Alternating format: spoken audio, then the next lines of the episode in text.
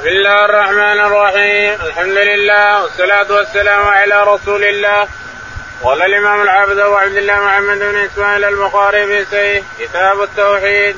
وقال حجاج بن منال حدثنا همام بن يحيى قال حدثنا قتادة عن أنس رضي الله عنه أن النبي صلى الله عليه وسلم قال يحبس المؤمنون يوم القيامة حتى يهموا بذلك فيقولون ليستشفعنا إلى ربنا فيريحنا من مكاننا فيأتون آدم فيقولون أنت آدم ابو الناس خلق الله بيده وأسكنك جنته وأسجد لك ملائكته وعلمك أسماء كل شيء لتشفع لنا عند ربك حتى يريحنا مكاننا هذا قال فيقول لست هناكم. بسم الله الرحمن الرحيم الحمد لله رب العالمين صلى الله على نبينا محمد وعلى آله وصحبه أجمعين. يقول الإمام الحافظ أبو عبد الله البخاري رحمه الله في صحيحه. باب للباب كتاب الكتاب يقول حدثنا حجاج بن منهال. حجاج بن منهال قال حدثنا حمام بن يحيى. حمام بن يحيى قال عن قتادة. عن قتادة قال حدثنا أنس بن مالك. أنس بن مالك رضي الله عنه أن النبي عليه الصلاة والسلام قال قال يحبس المؤمنون يوم القيامة حتى يهموا بذلك فيقولون لو استشفعنا إلى ربنا فيريحنا. قال يحبس المؤمنون ولا أدري الحبس في العالم كله. مؤمنون كفار الحبس اللي يجري يوم القيامة للعالم كله. كل العالم عراة موقوفين في مكانهم. وقد هزمهم العرب الكفار والمسلمين. قال فلا أدري هل المؤمنون يحبسون لحالهم والكفار لحالهم لكن الظاهر الحبس واحد. الوقوف عند رب العالمين. يكلمهم رب العالمين. كل إنسان يكلمه ربه ليس بينه وبينه ترجمان. كل العالم كله. جميع العالم. الجن والإنس كلهم موقوفين في مكان واحد في صعيد واحد. حتى يشفع المصطفى عليه الصلاة والسلام بالشفاعة لهم. إلا فهم موقوفين. الجن والإنس كل كلهم في مكان واحد. الشاهد هنا يقول يحشر المؤمنون أو يوقف المؤمنون. نعم. يحبس المؤمنون يوم القيامة حتى يهموا بذلك فيقول له استشفعنا إلى ربنا. يحبس المؤمنون يوم القيامة. فيقولون فيهمهم وقوفهم. فيقول لو استشفعنا إلى ربنا في أحد أنبيائهم ممن يقربهم من يقربهم ربنا لعله يشفع لنا يقضي بين الخلائق. يقضي بيننا وبين الخلائق. حتى الخلائق يقضي بينهم تعالى وتقدس. إذا نزل في كوكبة من الملائكة وغيايا من السحاب يقضي بين العالم كله كل العالم. الجن والانس قال فيأتون آدم فيقولون أنت آدم أبو الناس. فيذهبون إلى آدم عليه الصلاة والسلام أول البشر. فيقولون يا آدم أنت أبو الأبانا وأنت الذي أدخلك الله الجنة وأنت الذي خلقك الله بيده وأنت وأنت إلى آخره. افتح لنا ربك. لا ترى مكاننا حتى هو معهم ألا ترى مكاننا. اشفع لنا ربك يقضي بيننا. فيقول لست هنالك لست هنالك. أنا فعلت كذا وفعلت كذا وفعلت كذا. ويذكر خطيئته التي اصاب اكله من الشجرة. يقول اذكر خطيئته وأنه أكل من الشر. ربنا تعالى وتقدس أن لا تأكل من هذه الشجرة فأكلت منها. معناه إنه عصى عصى آدم ربه فغوى. معناه إنه عصى ربه ولا يستطيع أن يشفع عند رب العالمين. اذهبوا إلى نوح اذهبوا إلى نوح أول نبي بعثه الله إلى أول نبي بعثه الله إلى التوحيد. نعم. فيأتون نوح فيقول لست هناكم فيأتون نوح فيقول نوح لست هنالك. ليش؟ لأنه دعا على قوم بالغرض ومعناه أنه عصى ربه لما دعا. يرى أن الدعوة على قومه بالغرض أنه قد يكون أنه أخطأ أو شيء مع أنها ما هي خطيئة. ما هي خطيئة عصوا ربهم وكفروا بالله ودعا عليهم ليهلكهم لكن بزعمه أن الدعاء على الناس بالهلاك قد يكون في حق. فالشاهد أنه قال است هنالك است هنالك اذهبوا إلى إبراهيم خليل الرحمن. إلى إبراهيم خليل الرحمن. نعم. فيأتون إبراهيم فيقول إني لست هناكم ويذكر ثلاث كلمات. يقول فيأتون إبراهيم عليه الصلاة والسلام. فيقولون يا أنت خليل الله وأنت وأنت الذي وأنت خليل الله. وأنت وأنت إلى آخره. فيقول لست هنالك. أنا عصوت ربي عصيت ثلاث معاصي. أذنبت عند ربي ثلاث ذنبات واحدة قوله بشاره هي أختي. لأن ملك مصر ظالم وإذا رأى المرأة أخذها من زوجها وقتل زوجها. فقال إنه أخي. وأنت أختي من من الإسلام. أنت أختي في الإسلام. ليس على الإسلام أحد. في يومنا هذا إلا أنا وأنت. فأنت أختي. في الاسلام فقالت لكن الله نجاها من الكافر ومن الظالم وادته وأعطاها الملك خادمه سمى هاجر أم ام العرب. فيقول هذه واحدة. الثانية أنه قال إني سقيم وهو ليس سقيم ولكن يكسر الأصنام. كلها في ذات الله. الثالثة قال كسرهم كبيرهم هذا. هو كبيرهم هو اللي كسرهم.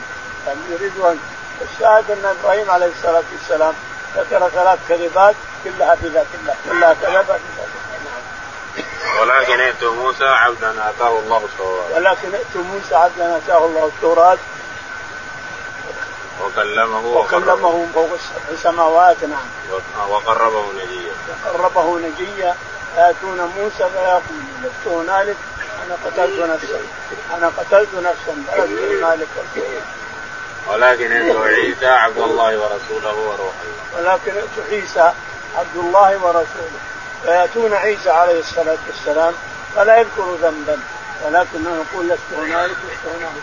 يذهبوا إلى محمد عليه الصلاة والسلام وهو كريم صفوة الخلق وأرسله الله تعالى وقربه يأتون محمد عليه الصلاة والسلام يقول أنا لا أنا لا. يذهب محمد عليه الصلاة والسلام يخر تحت العرش ومن فسرها بأن يخر في داره في الجنة وهو غلط. يخر تحت العرش تحت عرش الرحمن وعرش الرحمن وهو فوقه فوق السماوات كلها عرش الرحمن. الكرسي ثم العرش عرش الرحمن. يخر تحت العرش. هذا لفظ البخاري يخر تحت العرش.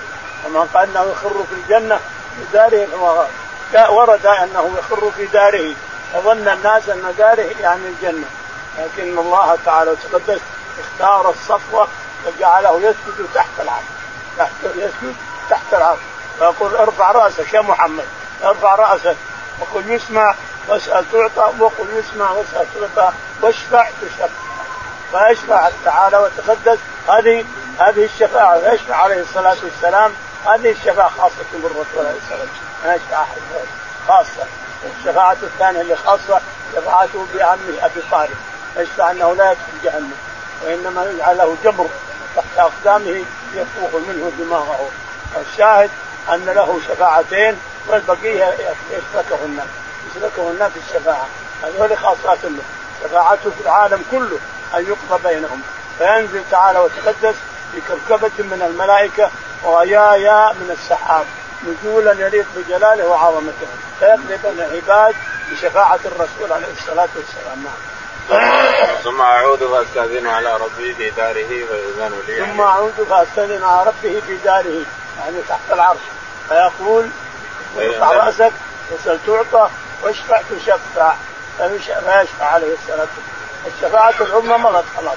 بقى هذا الشفاعة اللي يخرج من النار ناس قد خلفوا فيها نعم ثم اشفاه فيحد لي حدا فاخرجهم فادخلهم فيحد لي حدا فاخرج منهم كثير من المؤمنين الذين حقت عليهم حق عليهم العذاب واخرجهم من من النار نعم. ثم أعود الثالثة فأستأذن على ربي في داره ثم أعود الثالثة فأستأذن على ربي في داره يعني تحت العرش فاخرج فأذن لي أن أخرج كل من في قلبه مثقال ذرة من إيمان نعم.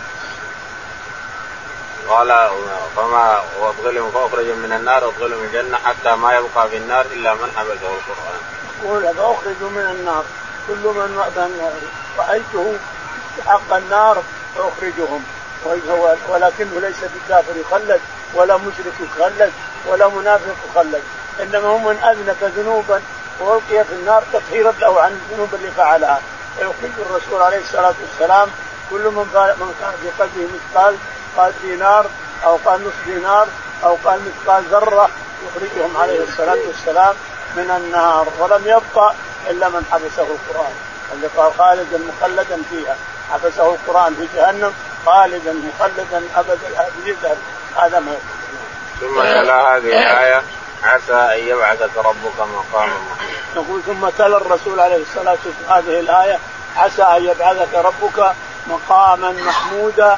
يعني يبعثه المقام اللي يحمده الأولون والآخرون. يحمد المصطفى عليه الصلاة والسلام جميع الجن والإنس. الإنس والجن يحمدون الرسول بما لأنه شفع للناس بأن يقضي بينهم. ينزل ربنا على تعالى وتقدس نزولا ليقضي جلاله وعظمته فيقضي بين العباد لأنه تلبية لشفاعة الرسول عليه الصلاة والسلام حيث طلب منه ذلك. طلب منه يقضي بين العباد الجن والإنس. فيقضي تعالى ينزل نزولا يليق بجلاله وعظمته في كوكبة من الملائكة وغيايا من السحاب فيقضي بين عباده جميع العباد الجن والإنس ويكلمهم. فتجد ليس بينه وبينهم ترجمان. تجد تعالى وتقدس. يكلم العالم كلهم بأقل أقل من أقل من أقل من ثانية أو أقل وش الثانية؟ يكلمهم تعالى وتقدس. يكلم جميع العالم جميع من على وجه على وجه الأرض جميع من هو حاضر عند رب العالمين يكلمه سبحانه وتعالى ويناقشه. لكن حصل نقاش هذا شيء آخر سيأتي النقاش نعم قال رحمه الله حدثنا عبيد الله بن سعد بن إبراهيم قال حدثني عمي قال حدثنا أبي عن صالح عن ابن شهاب قال حدثني أنس بن مالك رضي الله عنه أن رسول الله صلى الله عليه وسلم أرسل إلى الأنصار فجمعه في قبة وقال لهم اصبروا حتى تلقوا الله ورسوله فإني على الحوض. يقول البخاري رحمه الله حدثنا عبيد الله بن سعد عبيد الله بن سعد قال حدثنا عن عمه يعقوب بن إبراهيم. نعم. عن عمه يعقوب عمه يعقوب بن إبراهيم. قال حدثنا عن أبيه إبراهيم. عن أبيه إبراهيم بن سعد. قال عن صالح بن كيسان. عن صالح بن كيسان. عن ابن شهاب. عن ابن شهاب الزهري قال عن أنس بن مالك. عن أنس رضي الله تعالى عنه. نعم. أن رسول الله صلى الله عليه وسلم أرسل إلى الأنصار فجمعهم في قبه أن رسول الله عليه الصلاة والسلام أرسل إلى الأنصار فجمعهم في قبة. والسبب في هذا أن الرسول عليه الصلاة والسلام لما أتى بها بهوازن كله قسمه على الناس أعطى صناديد قريش.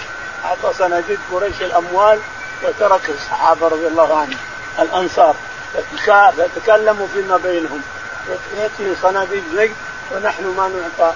إن الذي يقاتل حنا حنا حنا حنا فلما سمع عليه الصلاة والسلام كلامهم قال اجمعوهم قال لكبارهم اجمعوهم في خيمه فجمعوهم فأتاهم عليه الصلاة والسلام وخطب بهم وقال إني أعطي اكابر العرب تأليفا لهم لعل يسلم. لعله إذا ذهب يسلم هو ويسلم من وراءه من الأمم. وهذا هو المطلوب لأن أنا ارسلت أدعو إلى الله تعالى وتقدس لعل الله يقتل أتباعي. أما أنتم الا ترضون أن يرجع الناس بالشاة والبعيد وترجعون منازلكم برسول الله عليه الصلاة والسلام فبكى القوم. فبكوا قالوا رضينا رضينا بالله ربا. وبالاسلام دين محمد صلى الله عليه وسلم نبيا قال لهم اصبروا حتى تلقوا الله ورسوله. اصبروا معاشر الأنصار. اصبروا معاشر حتى تلقوني على الحوض. اصبروا معاشر الأنصار حتى تلقوني على الحوض. هذا اللي بكاهم. نعم.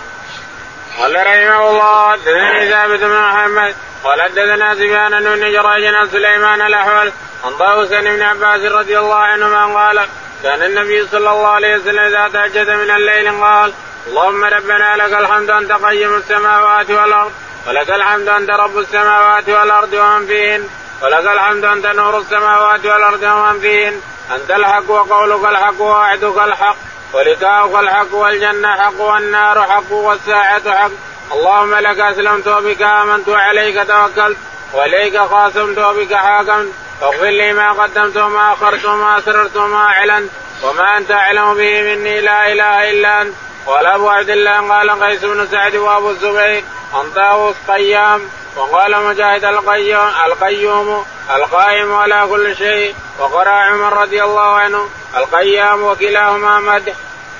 يقول البخاري رحمه الله حدثنا ثابت بن محمد. ثابت بن محمد قال حدثنا سفيان الثوري. سفيان الثوري. عن ابن جريج. عن ابن جريج قال عن سليمان الأحول. عن سليمان الأحول. قال عن طاووس بن عباس. عن طاووس عن ابن عباس رضي الله عنهما أن النبي عليه الصلاة والسلام قال كان إذا تهجد من الليل قال. كان إذا قام تهجد من الليل كيف علم ابن عباس بهذا الدعاء؟ يقول إنه يبيت عند خالته ميمونة والرسول عندها تلك الليلة فيبيت عندها فيحفظ ما يقول الرسول استيقظ الرسول عليه الصلاة والسلام يحفظ ما يقول. فيقول ابن عباس رضي الله عنه كان الرسول عليه الصلاة والسلام إذا قام من الليل قال هذا الدعاء اللهم ربنا لك الحمد. اللهم ربنا لك الحمد. أنت قيم السماوات أنت قيوم السماوات والأرض ولك الحمد. أنت رب السماوات والأرض. رب السماوات والأرض. ومن فيهن. ومن فيهن ولك الحمد. أنت نور السماوات أنت نور السماوات والأرض. ولك الحمد. أنت الحق وقولك أنت الحق. وقولك الحق. ووعدك ووعدك حق. ولقاؤك حق. ولقاؤك حق. والجنة والجنة حق. والنار حق. والساعة والساعة حق. اللهم لك أسلمت. اللهم لك أسلمت. وبك آمنت وبك آمنت. وعليك توكلت وعليك توكلت. وإليك خاطبت. وإليك وإليك خاصمت. وبك حاكمت. وبك حاكمت. واغفر لي ما قدمت. اغفر لي ما قدمت وما أخرت. وما هذا. الدعاء قاله عند منصرف من الطائف حينما أدموا عاقبه عليه الصلاة والسلام.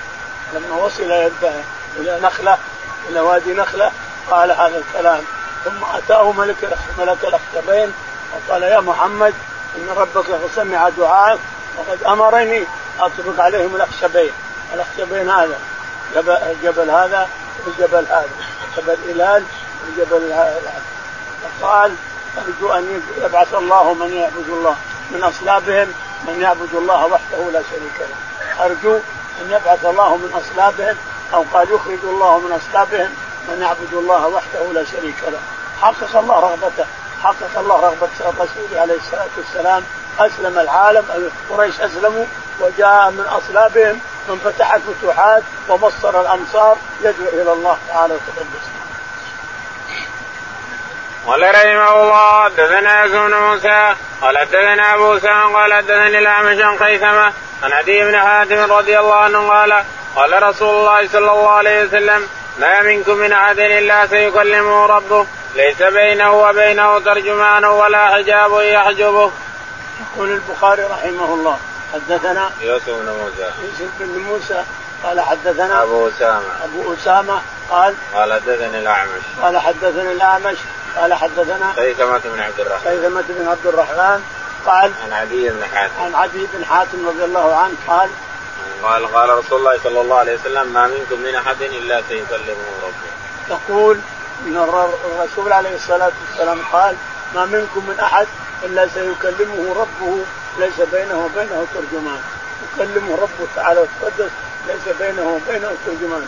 ينزل تعالى في كوكبة من الملائكة وغيايا من السحاب نزول يليق بجلاله وعظمته ثم يكلم العالم.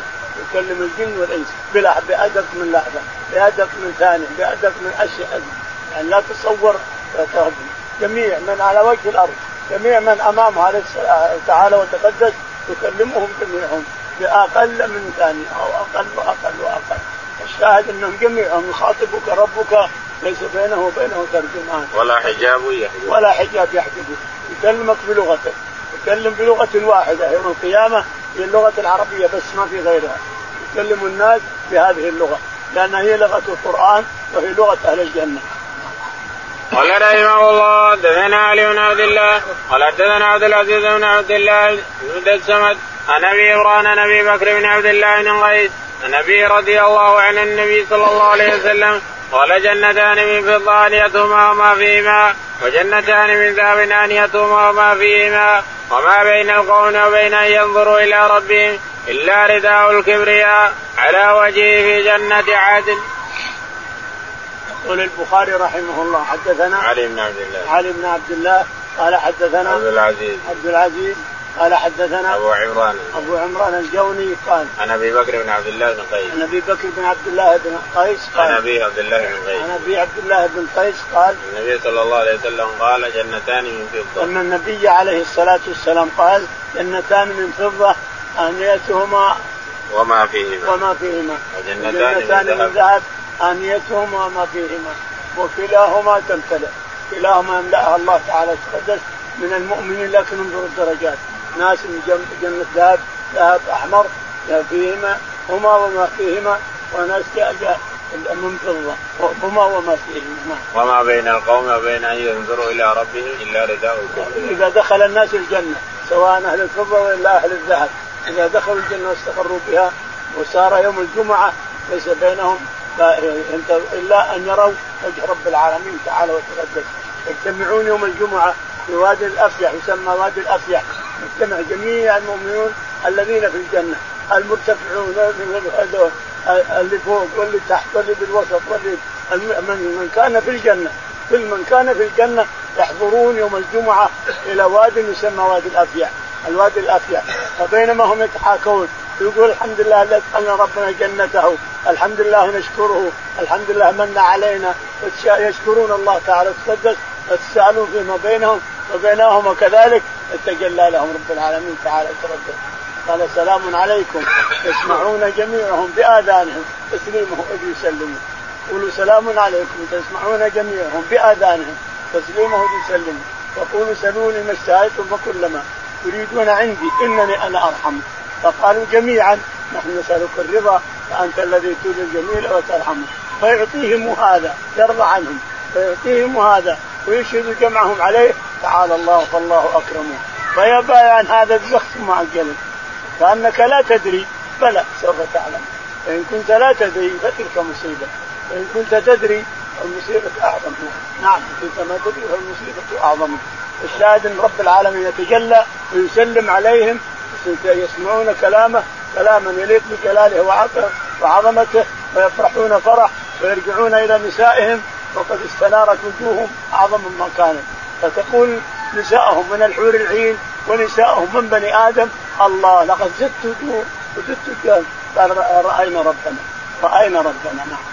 وما بين القوم وبين أن ينظروا إلى ربهم إلا رداء الكبرياء. وما بين القوم بين أن ينظروا إلى ربهم يعني إلى وجهه تعالى وتقدس.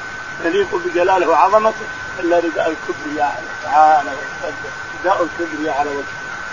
قال رحمه الله حدثنا الحميدي قال حدثنا سفيان قال حدثنا عبد الملك بن أعيان وجامع بن أبي راشد عن أبي وائل عن عبد الله رضي الله عنه قال قال رسول الله صلى الله عليه وسلم من اقتطع مال امرئ مسلم بيمين كاذبة لقي الله وعليه غضبان. قال عبد الله ثم قرا رسول الله صلى الله عليه وسلم مستاقه من كتاب الله جل ذكره إن الذين يشترون بعهد الله وأيمانهم ثمنا قليلا. أولئك لا خلاق لهم في الآخرة ولا يكلمهم الله الآية. يقول البخاري رحمه الله حدثنا الحميدي. الحميدي قال حدثنا سفيان بن عيينة. سفيان بن عيينة قال حدثنا عبد الملك بن أعين. عبد الملك بن أعين. وجامع بن أبي راشد. وجامع بن أبي راشد قال عن قال عن أبي وائل. عن أبي وائل قال عن عبد الله بن مسعود. عن عبد الله بن مسعود رضي الله عنه. قال قال الرسول عليه الصلاة والسلام من اقتطع مال امرئ مسلم بيمين كاذب. من اقتطع مال امرئ مسلم بيمين كاذبة لقي الله عليه غضبان الناس يرون وجه رب العالمين يضحك في وجوههم يدخلون الجنة وهذا نعوذ بالله مغضوب عليه لا حول ولا قوة.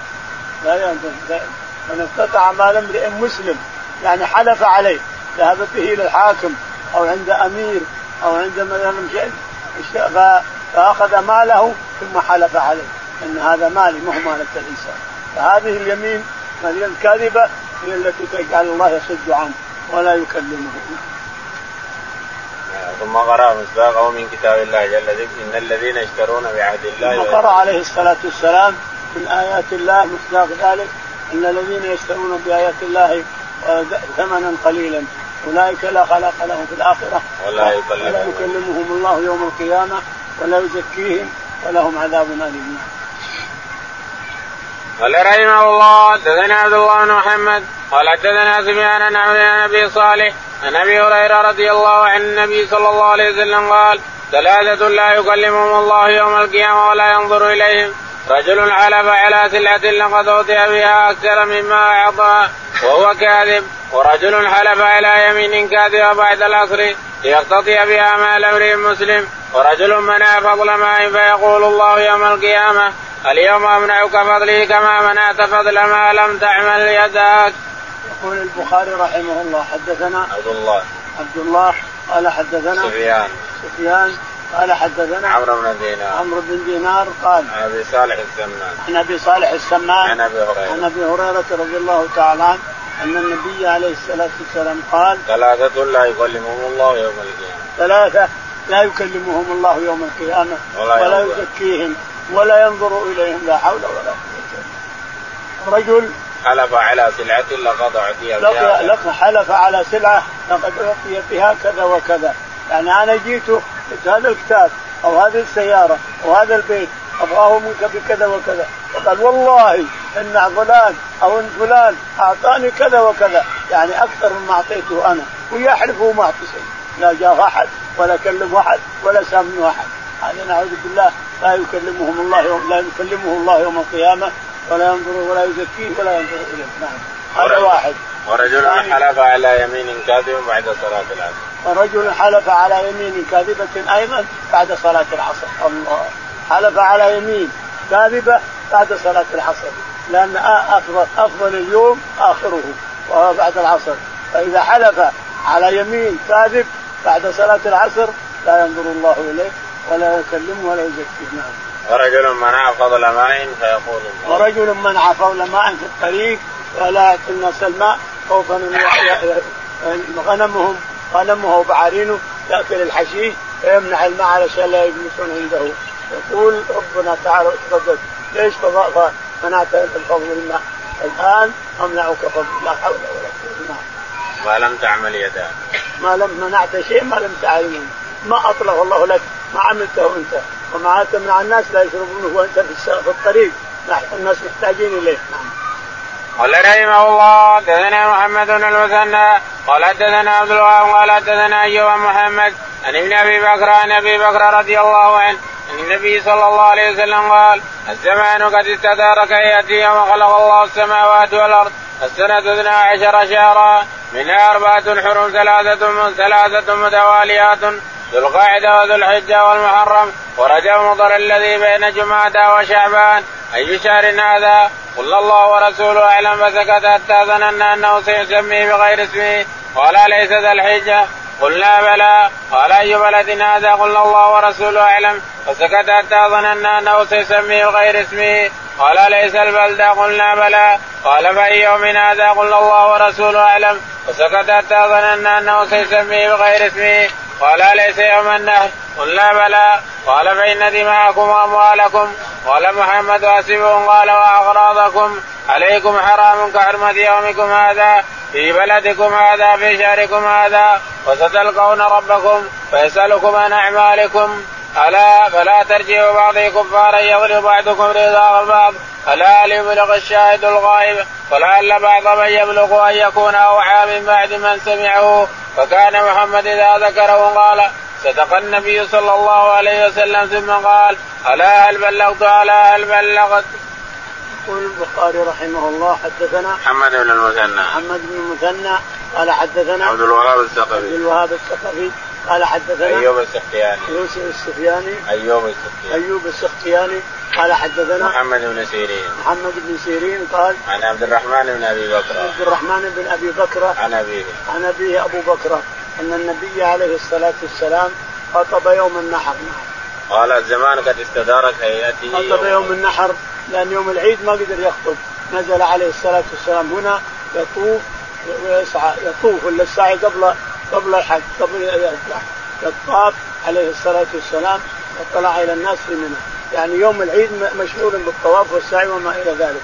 لكن يوم النحر اللي سمي يوم النحر أو سمي يوم الرؤوس لأن الرؤوس تكثر الناس يذبحون ضحاياهم وهداياهم وما إلى ذلك. فسمي يوم الرؤوس لأن الرؤوس تكثر في اليوم الثاني فخطب عليه الصلاة والسلام في اليوم الثاني والناس في أماكنهم ناس على اليمين خيامهم وناس على اليسار خيامهم. وخطب الناس على وهو قائم عليه الصلاة والسلام والله تعالى وتقدس أسمع العالم كله صوته عليه الصلاة وهو يخطب. جميع العالم الجن والإنس أسمعهم صوته عليه الصلاة وهو يخطب. يوم النحر. اللي يسمى يوم الرؤوس. فقال أيها الناس نعم. الزمان قد استدار كهيئته يوم إن الزمان قد استدار كيوم هيئته يوم خلق السماوات والأرض. السنة 12 شهرا. منها أربعة حرم هي القاده والحجة ومحرم وشهر رجب اللي تسميه قريش مضر. يسمونه مضر. يسمونه شهر رجب المنفرد اللي لحاله بين جمادى وشعبان. هذا رجب هذه أربعة أشهر حرم ما يقتل فيها أحد ولا يعذب فيها أحد ولا يقتص فيها أحد. العرب إذا مشوا في هذه أشهر الحرم الأربعة ما حد يتعرض أحد. لو يشوف قاتل أبيه ما يتعرضون لو يشوف قاتل أخيه ما يتعرضون لأنهم يعظمون هذه الأشهر الأربعة حتى الكفار حتى كفار قريش وغير قريش إذا جاءت الأشهر الأربعة ما يتعرضوا لها اطلاقا. ولهذا ربيعه جو إلى الرسول عليه الصلاة والسلام قالوا يا رسول الله إن ما نستطيع ناتيك إلا في الأشهر الحرم الأربعة لأن بيننا وبينك مضر. يمنعونا ويقاتلونا فهم لكن الآن نأتيك في الشهر الحرام في أحد الأشهر الحرم تعلمنا ونحن نعلم من وراءنا إلى اخره نعم. قال أي شهر هذا؟ قال عليه الصلاة والسلام هو واقف أي شهر هذا؟ يقولوا للناس وقالوا الله أعلم. سكت فظننا انه سيسميه بغير اسمه. قال عليه الشهر الحجة قالوا نعم يا رسول الله قال أي بلد هذا؟ أي بلد هذا؟ قلنا الله ورسوله أعلم فسكت عليه الصلاة والسلام حتى ظننا أنه سيسميه اسمه قال أليس البلدة؟ أليس البلدة يعني أليست مكة؟ قلنا بلى يا رسول الله قال أي يوم هذا؟ أي يوم هذا؟ قلنا الله ورسوله أعلم فسكت حتى ظننا أنه سيسميه بغير اسمه قال أليس يوم النحر؟ هذا ما هذا قال ان دماءكم وأموالكم وأعراضكم عليكم حرام كحرمه يومكم هذا في شهركم هذا في بلدكم هذا ثم لما قال سكت قليلا ثم قال لا هل بلغت؟ ألا هل بلغت؟ وقال لا يضرب بعضكم رقاب أيها الناس لا يضرب بعضكم رقاب بعض يعني اتقوا الله وألزموا الكتاب والسنة ولا يضرب بعضكم رقاب بعض ضرب بعضهم رقاب بعض الشهاد قال اللهم هل بلغت؟ اللهم هل بلغت؟ قالوا نعم. قال اللهم اشهد اللهم اصبعه إلى السماء. إلى رب العالمين. وستلقون ربكم فيسألكم عن ثم قال لهم إنكم ستلقون ربكم فيسألكم عن أعمالكم الصالحة والطالحة. نعم. ألا ليبلغ الشاهد الغائب؟ ألا ليبلغ الشاهد الغائب؟ فرب مبلغ أوعى من سامع رب مبلغ أوعى من سامع اللي يسمع قد يفهمها وقد لا يفهمها. لكن المبلغ يفهمها. قال فكان محمد بن سيرين سيرين إذا ذكره قال صدق النبي. كان محمد الذي في السند. محمد بن سيرين في السند اللي مر علينا. يقول لقد صدق الرسول عليه الصلاة والسلام. كثير من المبلغين أوعى وافهم من اللي ينقض الحديث. باب ما جاء في قول الله تعالى ان رحمه الله قريب من المحسنين قال حدثنا موسى بن إسماعيل قال حدثنا عبد الواحد قال حدثنا اسم بن أبي عثمان أن أسامة رضي الله عنه قال كان ابن لبعض بنات النبي صلى الله عليه وسلم يقضي فأرسلت إليه أن يأتيها فأرسل إن لله ما أخذ وله ما أعطى وكل إلى أجل مسمى فلتصبر ولتحتسب فأرسلت إليه فأقسمت عليه فقام رسول الله صلى الله عليه وسلم كنت معه ومعاذ بن جبل وأبي بن كعب وعباده بن الصامت فلما دخلنا ناولوا رسول الله صلى الله عليه وسلم الصبي ونفسه تقلقل في صدره حسبته قال كأنها شنة. فبكى رسول الله صلى الله عليه وسلم. وقال سعد بن عبادة تبكي. فقال إنما يرحم الله من عباده الرحماء. يقول البخاري رحمه الله حدثنا باب ما جاء في قول الله تعالى إن رحمة الله قريب. باب ما جاء في قول الله تعالى إن رحمة الله قريب من المحسنين. يقول تعالى قال حدثنا موسى بن إسماعيل. إن رحمة الله قريب من المحسنين. يذكر تعالى في هذه الآية أن رحمته قريبة من جميع المحسنين. جميع المؤمنين المحسنين المؤمنين الصادقين. رحمة الله قريب منهم عليه تعالى وتقدس. نعم. يقول البخاري حدثنا موسى بن إسماعيل. موسى بن إسماعيل. قال حدثنا عبد الواحد. عبد الواحد قال عاصم الأحول. عن عاصم الأحول قال عن أبي عثمان النهدي. عن أبي عثمان النهدي قال عن أسامة بن زيد. عن أسامة بن زيد رضي الله عنه قال كان ابن لبعض بنات النبي صلى الله عليه وسلم يقول يقول كان لبعض بنات النبي عليه الصلاة والسلام طفل أصابه الموت يعني أصابه مرض ثم الآن يقضي الآن تؤخذ روحه وهي زينب الكبرى. بنت الرسول الكبرى من العاص بن الربيع الذي يقول عاهدني فصدقني وفعل وفعل وفعل وفعل يمدح الرسول عليه صهره الربيع بن العاص. يقول أنه عاهدني فوفى وكلمني فاتقى إلى آخره يمدح العاص زوج زينب فجاء إلى زينب فقال قل لها الرسول قل لها تصبر فإن لله ما أخذ وله ما أعطى. فأرسلت تعزم عليه علشان تهون تهون عليها مصيبتها ويدعو لها ويدعو. فجاء عليه الصلاة والسلام ومعه سعد بن عبادة معه معاذ بن جبل وناس من الصحابة.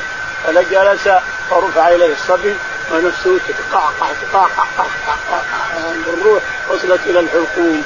فبكى عليه السلام لما رأى الطفل كذا يغرغر بكى عليه الصلاة والسلام. فقال سعد بن عبادة ما هذا يا رسول الله؟ قال هذه رحمة. ينزل الله في عباده ولا إن الله يرحم الرحماء. إن هذه رحمة. بكى هذه الرحمة هي التي أخرجت الدموع والله تعالى تقدس يرحم الرحماء. الشاهد انه إنه ذهب إلى زينب لما عزمت عليه. نعم. قال رحمه الله حدثنا عبيد الله بن سعد بن إبراهيم قال حدثنا يعقوب قال حدثنا أبي عن صالح بن كيسان للأعرج عن أبي هريرة رضي الله عنه عن النبي صلى الله عليه وسلم قال اختصمت الجنة والنار إلى ربهما فقالت الجنة يا رب ما لا لا يدخلها إلا ضعفاء الناس وسقطهم وقالت النار يعني وزرت بالمتكبرين وقال الله تعالى للجنة أنت رحمتي وقال للنار أنت عذابي أصيبك ما نشاء ولكل واحدة منكما منكما ملؤها قال فأما الجنة إن الله لا يظلم من خلقه أحدا وإنه ينشئ للنار من يشاء فيلقون فيها. فتقول هل من مزيد؟ ثلاثا حتى يضع فيها قدمه فتمتلئ ويرد بعضها إلى بعد وتقول قط قط قط. يقول البخاري رحمه الله حدثنا عبيد الله بن سعد عبيد الله بن سعد قال حدثنا يعقوب بن إبراهيم. يعقوب بن إبراهيم عن ابيه عن أبيه إبراهيم بن سعد قال عن صالح بن كيسان. عن صالح بن كيسان عن الأعرج عن أبي الأعرج عن أبي هريرة رضي الله تعالى عنه أن النبي عليه الصلاة والسلام قال اختصمت الجنة والنار إلى ربهما اختصمت الجنة والنار إلى رب العالمين الجنة تقول ما يلقى بي إلا الضعفاء والمساكين والنار. يقولون يتكبرون ومتجبرون إلى آخره. فقال الله تعالى وتقدس أنت رحمتي القي فيك من اشاء من عبادي المحسنين المقربين المؤمنون الصالحون. أنت يا جنه رحمتي. قال فيه إلا من إلا المؤمنون الصالحون.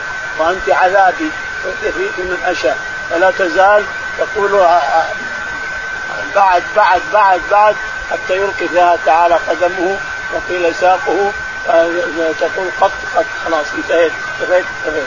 وإنه ينشئ للنار من يشاء. وإنه ينشئ للنار من يشاء تعالى وتقدس. اناسا ما خلقوا يخلقهم أخيرا نعم.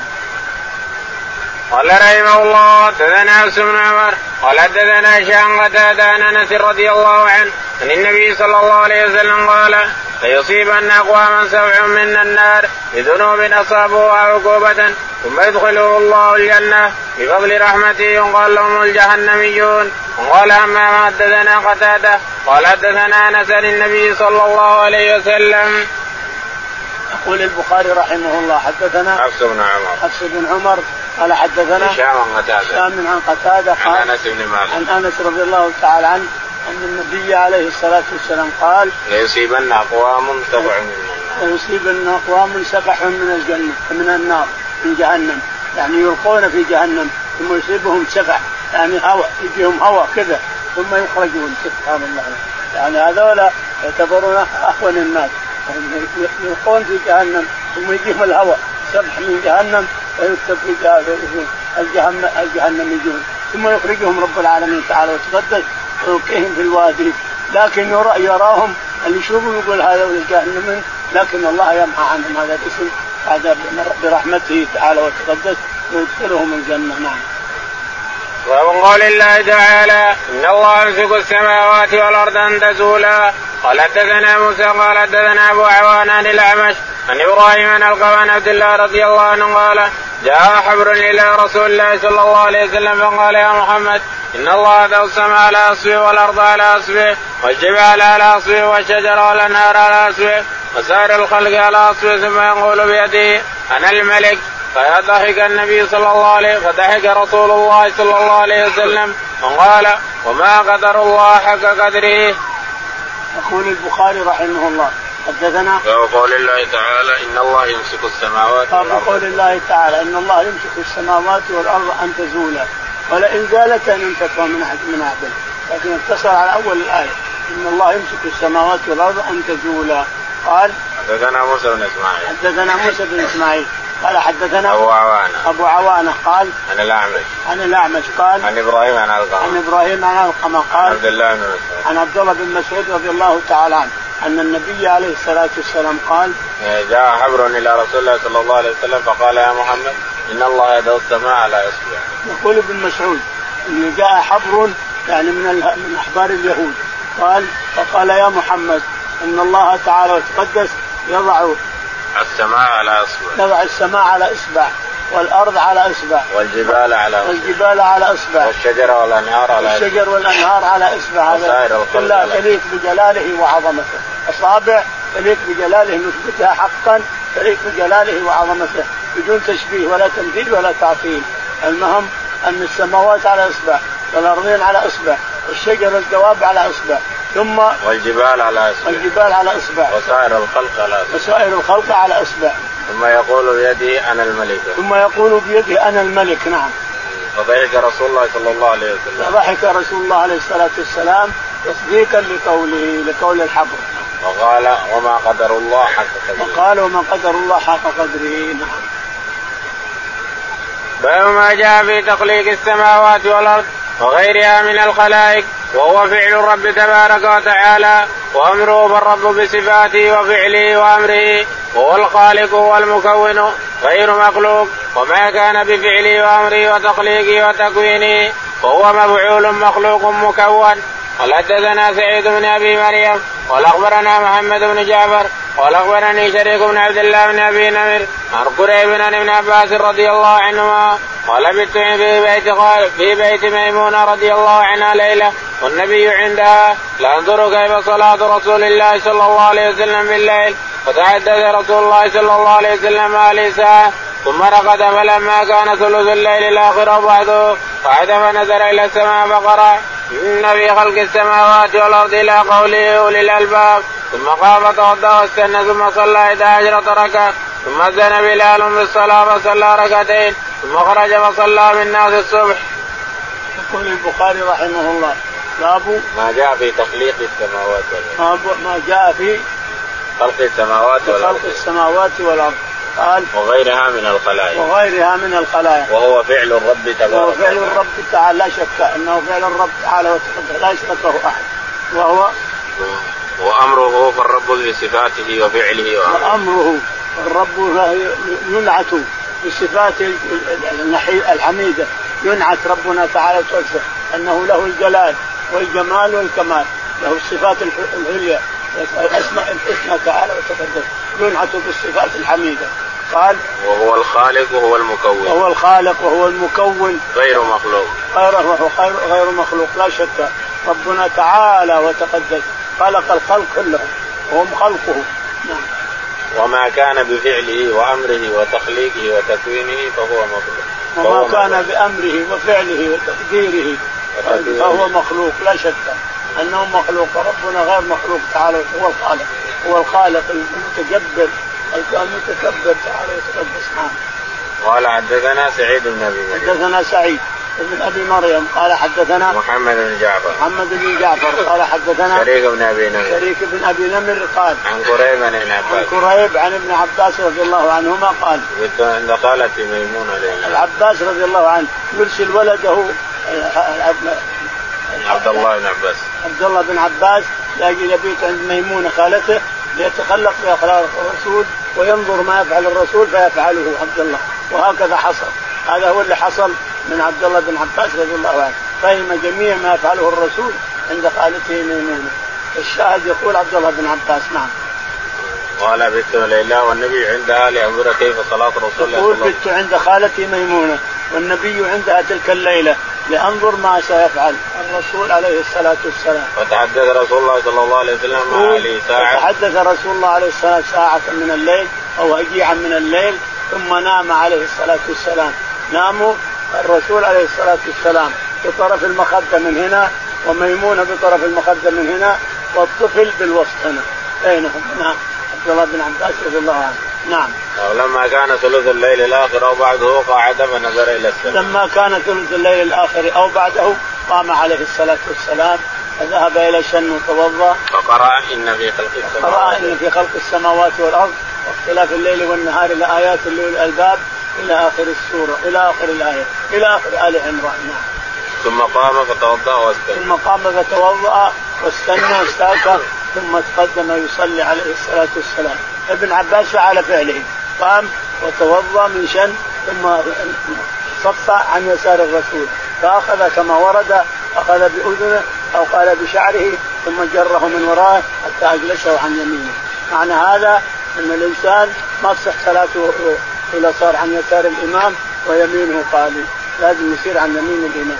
اليسار لا يجوز أن تصلي خلفه وأن تصلي عن يسار الإمام واليمين قال لا يجوز هذا أما إذا كان اليمين في واحد واليسار في واحد فهو صحيح.